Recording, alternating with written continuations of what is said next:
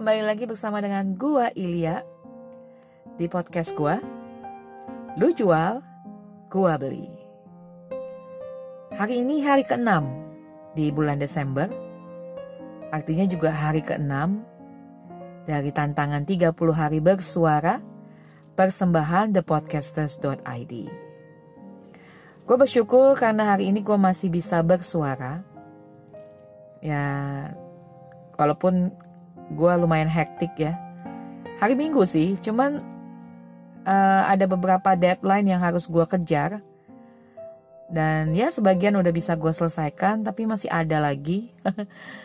ya ini hubungannya sama aktivitas gue yang lain. Jadi baru bisa nge-podcast nih hampir tengah malam. Ya semoga sih sebelum berganti hari gue udah bisa publish ya. Jadi uh, tantangan 30 hari bersuara dalam artian setiap hari upload satu podcast, ya gue bisa lakukan ya untuk episode ini. Ya, oke, okay, gue lanjut aja. Uh, hari ini gue masih pakai konsep yang kemarin ya. Jadi konsep spontan. Uh, gue coba uh, apa mengolah apa yang ada dalam pikiran gue, uh, menyampaikannya secara runtut, dan semoga masih apa masih enak ya, masih asik didengar dan enggak berbelit-belit atau muter-muter. Oke, okay, um, tema yang hari ini gue bakal bahas ini perjumpaan. Nah ini kalau ngomongin perjumpaan sih menurut gue ya it's a part of life ya. Karena ya setiap hari kita pasti akan berjumpa dengan orang gitu ya kan? Dengan seseorang. Ya entah di mana pun gitu. Nah cuman yang maksud gue nih perjumpaan yang uh, memberi lu pelajaran hidup mungkin ya. Itu lebih tepatnya gitu. Karena kalau misalnya lu berjumpa sama orang yang cuman say hello terus ya udah selesai mungkin ada juga sebenarnya pelajarannya cuman mungkin nggak terlalu uh, membekas atau mendalam gitu. Nah gue sendiri ya ngalamin banyak perjumpaan dalam hidup gue sampai gue setua ini. nah teman uh, demi 30 hari bersuara nih gue akan membuka kembali perjumpaan gue dengan seseorang. Sebenarnya ini cerita lama yang udah lama banget gue tutup dan gue anggap selesai gitu ya. Tapi ya pelajaran hidupnya memang benar-benar membekas. Uh, by the way kalau misalnya lu denger background ada suara motor yang masih bolak-balik gue juga gak ngerti nih ya kenapa udah hampir mau tengah malam gini masih ada motor yang bolak-balik nih uh, di sekitar rumah gue ya emang rumah gue sih resikonya nih risiko rumah di pinggir jalan ya Nah, jadi ya gitulah lalu lintas kayaknya nggak pernah berhenti. Tapi semoga masih eh, nggak mengganggu lah ya untuk lo tetap dengerin podcast ini. Nah, gue balik lagi ke kata ke tema perjumpaan ini. Nah, jadi cerita lama yang sebenarnya gue udah nggak pengen inget lagi gitu. Cuma nggak apa-apa, mungkin apa yang gue sampaikan bisa jadi sharing juga. Bisa memberi insight lain dari cerita gue ke lo gitu ya. Nah jadi ini sebenarnya diawali tahun 2004 ya. Jadi gue tuh 2004 uh, eh, pernah kerja di satu perusahaan uh, di daerah Cibitung ya. Jadi itu perusahaan Jepang. Nah waktu itu uh, ya biasa lah ya gue kerja, gue punya teman-teman teman-teman sekerja gitu nah sampai akhirnya gue ketemu nih dengan uh, sebenarnya bukan satu divisi sama gue tapi uh, lama kelamaan nih kita kayaknya kalau ngobrol uh, asik gitu ya masuk gitu dan sampai akhirnya gue tuh uh, memang dari rumah gue ke tempat kerja tuh lumayan jauh kan ya Jadi gue mutusin untuk ngekos. Nah jadi waktu itu gue nyari lagi nyari temen lah untuk ngekos bareng gitu. Nah kebetulan nih uh, temen yang tadi gue bilang satu kantor sama gue tapi beda divisi juga lagi nyari kos-kosan gitu. Akhirnya ya udah gue ajak, ya udah kita bareng ngekos. Uh, dan gue inget banget ya kita ngekos tuh di lantai dua ya. Jadi tuh rumah kos kosannya ada dua lantai ya kita di lantai dua. Dan waktu itu ya gue sih ngerasa ya kayak teman kos kosan aja gitu ya. Karena juga beda divisi di kantor jadi nggak banyak juga ngobrolin pekerjaan. Atau kalau mau ngegibahin teman sekerja juga ya bukan satu divisi ya jadi nggak terlalu banyak lah. Sampai satu saat nih temen sekosan gue ini nanya sama gue gitu. Mbak lo tuh gue lihat kok kalau habis pulang gawe bawanya langsung tidur aja sih. Emang nggak pengen ngobrol sama gue gitu. Akhirnya gue pikir ya benar juga sih kenapa gue jadi asik sendiri ya sama diri gue gitu padahal kan gue punya teman kos kosan gitu oke jadi gue membuka diri gue mulai apa sering ngabisin waktu bareng dia gitu. Semisal nih kalau ya namanya juga anak kos-kosan ya. Kita pasti makannya ya jarang masak lah. Jadi cari makanan tuh jajan di luar gitu. Nah gue sering tuh bareng dia gue pergi gitu. Kita pergi ke mana di sekitaran rumah. Atau kalau lagi pengen makan yang lebih enak ya kita ngemol lah gitu. Ya seperti itu ya. Jadi lama-lama uh, gue ngerasa nih uh, seru juga ya punya temen deket gitu. Karena terus terang sebelum pertemuan itu, sebelum perjumpaan itu, gue belum pernah punya temen yang deket ya. Semua temen ya udah temen aja buat gue gitu. Tapi kali ini gue ngerasa dia ini kayak bukan cuma sekedar temen yang sebelum-sebelumnya gue berteman gitu. Jadi ada apa namanya kalau kata orang chemistry kali ya Nah, lagi pula karena usianya dia lebih muda dari gue, jadi gue kayak punya perasaan ngemong gitu sama dia seperti adik gue. Gitu. Ya, ada momen-momen di mana uh, eh, gue tuh pengen ngasih surprise di ulang tahunnya dia gitu ya. Terus juga kalau jalan kalau jalan gitu, pengennya selalu bareng sama dia gitu. Dan ya udah kita deket banget gitu, deket banget sampai akhirnya mungkin teman-teman sekantor gue mulai agak apa ya agak curiga gimana gitu ya sampai ada satu temen yang akhirnya nanya sama gue satu pertanyaan yang gue nggak nyangka nih dia nanya. Eh Lia lu punya hubungan apa nih sama si A gitu ya? Sorry ya gue nggak sebut namanya. Uh, ya biasa temen aja gitu. Ya kan temen kosan gue juga gitu ya gue jawab gitu. Emang kenapa sih gitu? Gue mulai pengen tahu nih apa yang ada dalam pikirannya temen gue ini gitu sampai akhirnya dia bilang lu tuh kayak ada hubungan sejenis ya gitu. Gue kaget dan kenapa ya orang-orang kok apa temen gue ini kok ngelihat gue kayak gitu gitu? Ya gue nggak ngerti juga ya uh, mungkin dia merasa atau dia mungkin ngelihatnya tuh bukan cuma sekedar temen nih mereka gitu. Karena kayak nempel mulu gitu deket mulu padahal karena gue ngerasa dia seperti adik gue maka gue perlakukan dia seperti adik kandung gue gitu. Cuman mungkin terkesannya seperti jadi berlebihan gitu kan. Nah pertemanan kita atau persahabatan gua sama si A ini ya terus berlanjut. Dan itu berlangsung sampai kalau gua nggak salah lima tahunan lah. Ya kita uh, beberapa kali ngetrip bareng gitu ya dan gua punya pengalaman ya pertama kali gua ngetrip ke luar negeri gitu uh, waktu itu ke Thailand ya bareng dia. Ya bareng dia. Cuman waktu itu ada gue inget ada satu temen juga yang ikut jadi kita bertiga.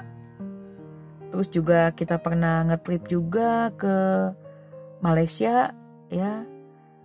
Ya pokoknya ada beberapa kali lah gitu. Oh iya pernah juga ke Makau ke Hong Kong ya. Pokoknya jadi temen bareng ngetrip uh, bareng jalan-jalan ya. Ya teman kos-kosan juga ya. Udah kayak keluarga lah buat gue gitu. Sampai gue juga uh, kenal baik keluarganya kenal baik uh, ibu bapaknya kakaknya juga. Kalau mereka ada acara juga gue ke rumahnya. Ya kayak saudara lah. Kadang juga kalau gue nggak dateng uh, nyokapnya kadang nanya eh ini Ilya ke mana? gitu ya. Jadi kayak gitu gitu. Cuman akhirnya gue pikir oke okay, uh, pertemanan gue sama dia nih jadi kayak nomor satu kali ya buat gue gitu. Kadang gini loh gue sampai satu momen uh, nyokap gue minta gue untuk pulang nih kan karena na namanya juga anak kos-kosan ya. Kadang gue kan Sabtu Minggu tuh harusnya sih gue pulang lah nengokin uh, rumah gitu kan ketemu ortu. Tapi kadang gue bilang sama nyokap gue aduh mak aku lagi banyak ini nih aktivitas. Udah deh pulangnya minggu depan aja gitu. Terus tapi gue nggak nggak lakuin gitu di minggu berikutnya juga gue nggak nggak pulang juga gitu kan. Nah sampai gue inget sampai nyokap gue juga sempet sempet kesel gitu sama gue. Ngeliat tuh kayaknya gue kok prioritasin banget nih temen kosan gue ini gitu. Nah ya gitu deh ya. Jadi bener-bener gue juga nggak habis pikir ya sekarang ini gitu sampai gimana gue bisa sampai pada titik punya temen atau sahabat tuh sampai sedekat itu gitu loh. Sampai gue kayak uh, prioritas gue tuh untuk keluarga untuk apa untuk diri gue sendiri itu kayaknya kalau tanpa temen gue ini tanpa si A ini kayaknya eh, nggak uh, ada artinya gitu. Nah sampai akhirnya singkat cerita ya karena bakal panjang banget kalau gue ceritain. Tapi singkat ceritanya uh, sampai pada gue agak lupa tahunnya ya. Tapi waktu itu uh, dia keluar dari pekerjaan dari kantor yang sama dengan gue pertama sih gue ya gue keluar dulu dari perusahaan itu jadi gue bekerja di tempat lain. Terus nggak lama kemudian juga dia keluar dari perusahaan itu dan dia juga mendapat pekerjaan yang lain. Nah jadi kita sama-sama udah kerja di kantor yang berbeda gitu. Tapi kita masih ngekos loh. Padahal kalau dipikirin tuh uh, apa namanya kantor sama kosan kita tuh sebenarnya udah jauh nggak kayak dulu waktu kerjanya di perusahaan yang sama gitu. Tapi kita bela-belain tetap mau ngekos bareng. Tapi kemudian uh, entah kenapa gitu, gue juga nggak tahu. Sampai suatu saat uh, dia tuh kayak menghindari gue dalam arti dia mulai ngomong sama gue untuk pindah. Waktu itu dia bilang dia mau pindah ke uh, lokasi kos-kosan yang lebih dekat ke kantornya dia. Uh, waktu itu di Kelapa Gading ya. Jadi dia pindah di sana. Nah, dan gue tuh ngerasa sedih banget. Kayak gue tuh gimana ya, nggak pernah berpikir kalau ini bakal selesai gitu persahabatan pertemanan gue ini bakal selesai dengan dengan pindahnya dia gitu tapi uh, eh, gue berusaha untuk tetap uh, menjalin komunikasi gitu ya. Kadang gue suka main tuh ke kosan dia gitu. Cuman gue lihat dia udah beda aja gitu nggak seakrab dulu gitu. Dan dia tuh mulai kayak bikin jarak sama gue kadang kalau gue ke kosan terus gue mau nginep di kosan dia dia bilang ke gue aduh besok gue ada aktivitas lain nih pagi-pagi lagi. Bisa nggak sih kalau uh, mungkin lain kali aja kalau lu mau main lagi gitu. Dan gue tuh ngerasa uh, apa ya kok gini sih gitu? Kayaknya dulu ke mana-mana bareng mulu lu. Kalau gue nggak ada pun dia malah yang minta gue untuk tetap ada gitu. Jadi gue nggak seperti ditinggalin gitu. Dan benar aja ya setelah uh, kejadian itu dan seterusnya dan seterusnya ya memang kita semakin berjarak. Sampai akhirnya juga gue uh, mutusin untuk pindah kos-kosan ke dekat kantor gue waktu itu kantor gue pindahnya ke Tangerang ya. Jadi eh bukan kos-kosan sih tapi lebih ke mes gitu. Jadi gue dapat mes dari kantor. Jadi gue tinggal di mes. Tapi Sabtu Minggu gue pulang ke rumah ortu dan kadang gue nyempetin nih untuk uh, mampir ke teman gue ini gitu. Cuman ya kadang kalau gue mampir dia nggak pernah ada. Gitu. Jadi dan kalau gue teleponin misalnya gue mau bikin janji juga telepon gue nggak diangkat-angkat gitu. Gue ngemail juga nggak dijawab-jawab. Jadi akhirnya di situ gue mikir mungkin dia memang udah nggak menganggap gue sebagai sahabat dia lagi sebagai temen dia yang yang kayaknya dulu kita tuh nggak bisa uh, berpisah gitu kan. Dan benar aja sih situasi itu entah kenapa membuat gue merasa uh, down dan gue tuh merasa kehilangan. Kehilangannya tuh aneh gitu ya karena belum pernah deh seumur hidup gue gue merasa kehilangan yang kayak begitu gitu yang sampai nggak kenapa-napa gue nangis. Malam gue mau tidur juga air mata gue keluar gitu. Kayak ada uh, kesedihan yang mendalam banget gitu ya. Kayak merasa ditinggalin dihianatin kayak gitu. Dan itu tahu nggak? Gue rasain uh, hampir satu tahun. Jadi itu uh, eh, gue kayak ini banget deh. uh, kalau gue inget ini sekarang ya kok gue bodoh banget ya gue sampai ngerasa seperti itu gitu loh. Padahal kan ya oh ya udah deh gitu ya namanya pertemanan persahabatan pasti ada endingnya gitu kan. Ya seperti apa pun dalam kehidupan kita ya pasti ada endingnya gitu. Cuman gue nggak berharap itu berakhir ya tapi ternyata ya begitulah gitu. Dan ya bersyukurnya sih gue nggak sampai depresi yang sampai harus uh, apa menghubungi psikiater mungkin atau psikolog gitu enggak sih. Jadi gue berusaha untuk menyembuhkan luka hati gue sendiri. Dan gue bersyukur gue punya satu teman lain yang mendukung gue secara rohani ya. Karena waktu itu gue hopeless banget gitu gue ngerasa uh, karena gini kali ya karena sebelumnya tuh gue kayak ngebela-belain dia gitu loh. Artinya segala hal tuh gue lakuin buat dia. Tapi di saat sekarang gue merasa gue membutuhkan dia ada gitu sebagai teman sebagai sahabat kok dia malah ninggalin gue nah ini yang gue pikir yang bikin gue semakin apa namanya uh, down waktu itu gitu ya. Ya cuman gue bersyukur hari lepas hari gue berupaya untuk memulihkan hati gue dan akhirnya ya ini akhirnya singkat cerita akhirnya gue bisa uh, kembali ke dalam uh, kondisi yang lebih baik ya dan satu pelajaran penting yang gue ingat dan sampai sekarang dan sampai kapan pun gue rasa gue harus tetap pegang bahwa yang namanya perjumpaan itu nggak ada yang abadi. Ya seperti tadi gue bilang, segala hal tuh nggak ada yang abadi. Dan pelajaran yang lain juga, jangan pernah lu tuh memberi hati sampai uh, mungkin 100% kali ya. Karena ya namanya orang tuh bisa berubah. Dan jangan sampai perubahan orang itu justru membuat lu menjadi kacau gitu.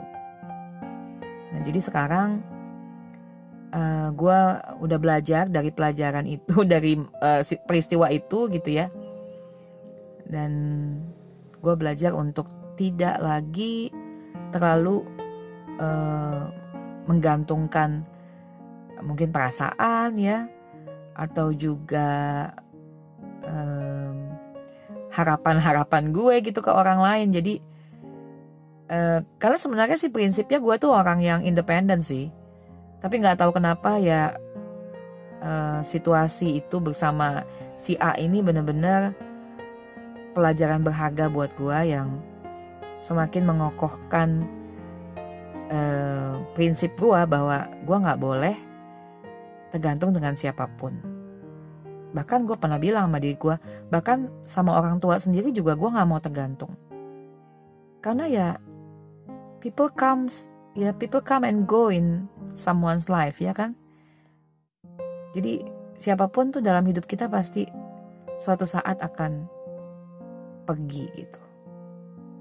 Ya, gitulah. Jadi perjumpaan yang mengubah hidup gue dan gue merasa lebih baik sekarang gitu dari pelajaran itu. Walaupun kalau diingat ke belakang ya lumayan sakitnya. Tapi ya oke, okay. Ya kita harus belajar bukan dari semua yang terjadi dalam hidup kita supaya jadi pribadi yang lebih baik. Oke, segitu dulu deh cerita gue soal perjumpaan. Kayaknya udah uh, cukup panjang. Dan gue harap sih lu masih asik ya dengerinnya. Karena tadi kayaknya gue denger, aduh motornya gede banget suaranya gitu. Ya gimana ya. Tuh. Tapi ya gue gak bisa cari tempat lain gitu. Dan ya oke, okay, gue akhiri dulu podcast gue hari ini. Dan besok gue masih Semoga gue masih bersuara lagi. Terima kasih lu udah dengerin. Lu jual, gue beli. Siapa takut? See you on the next episode.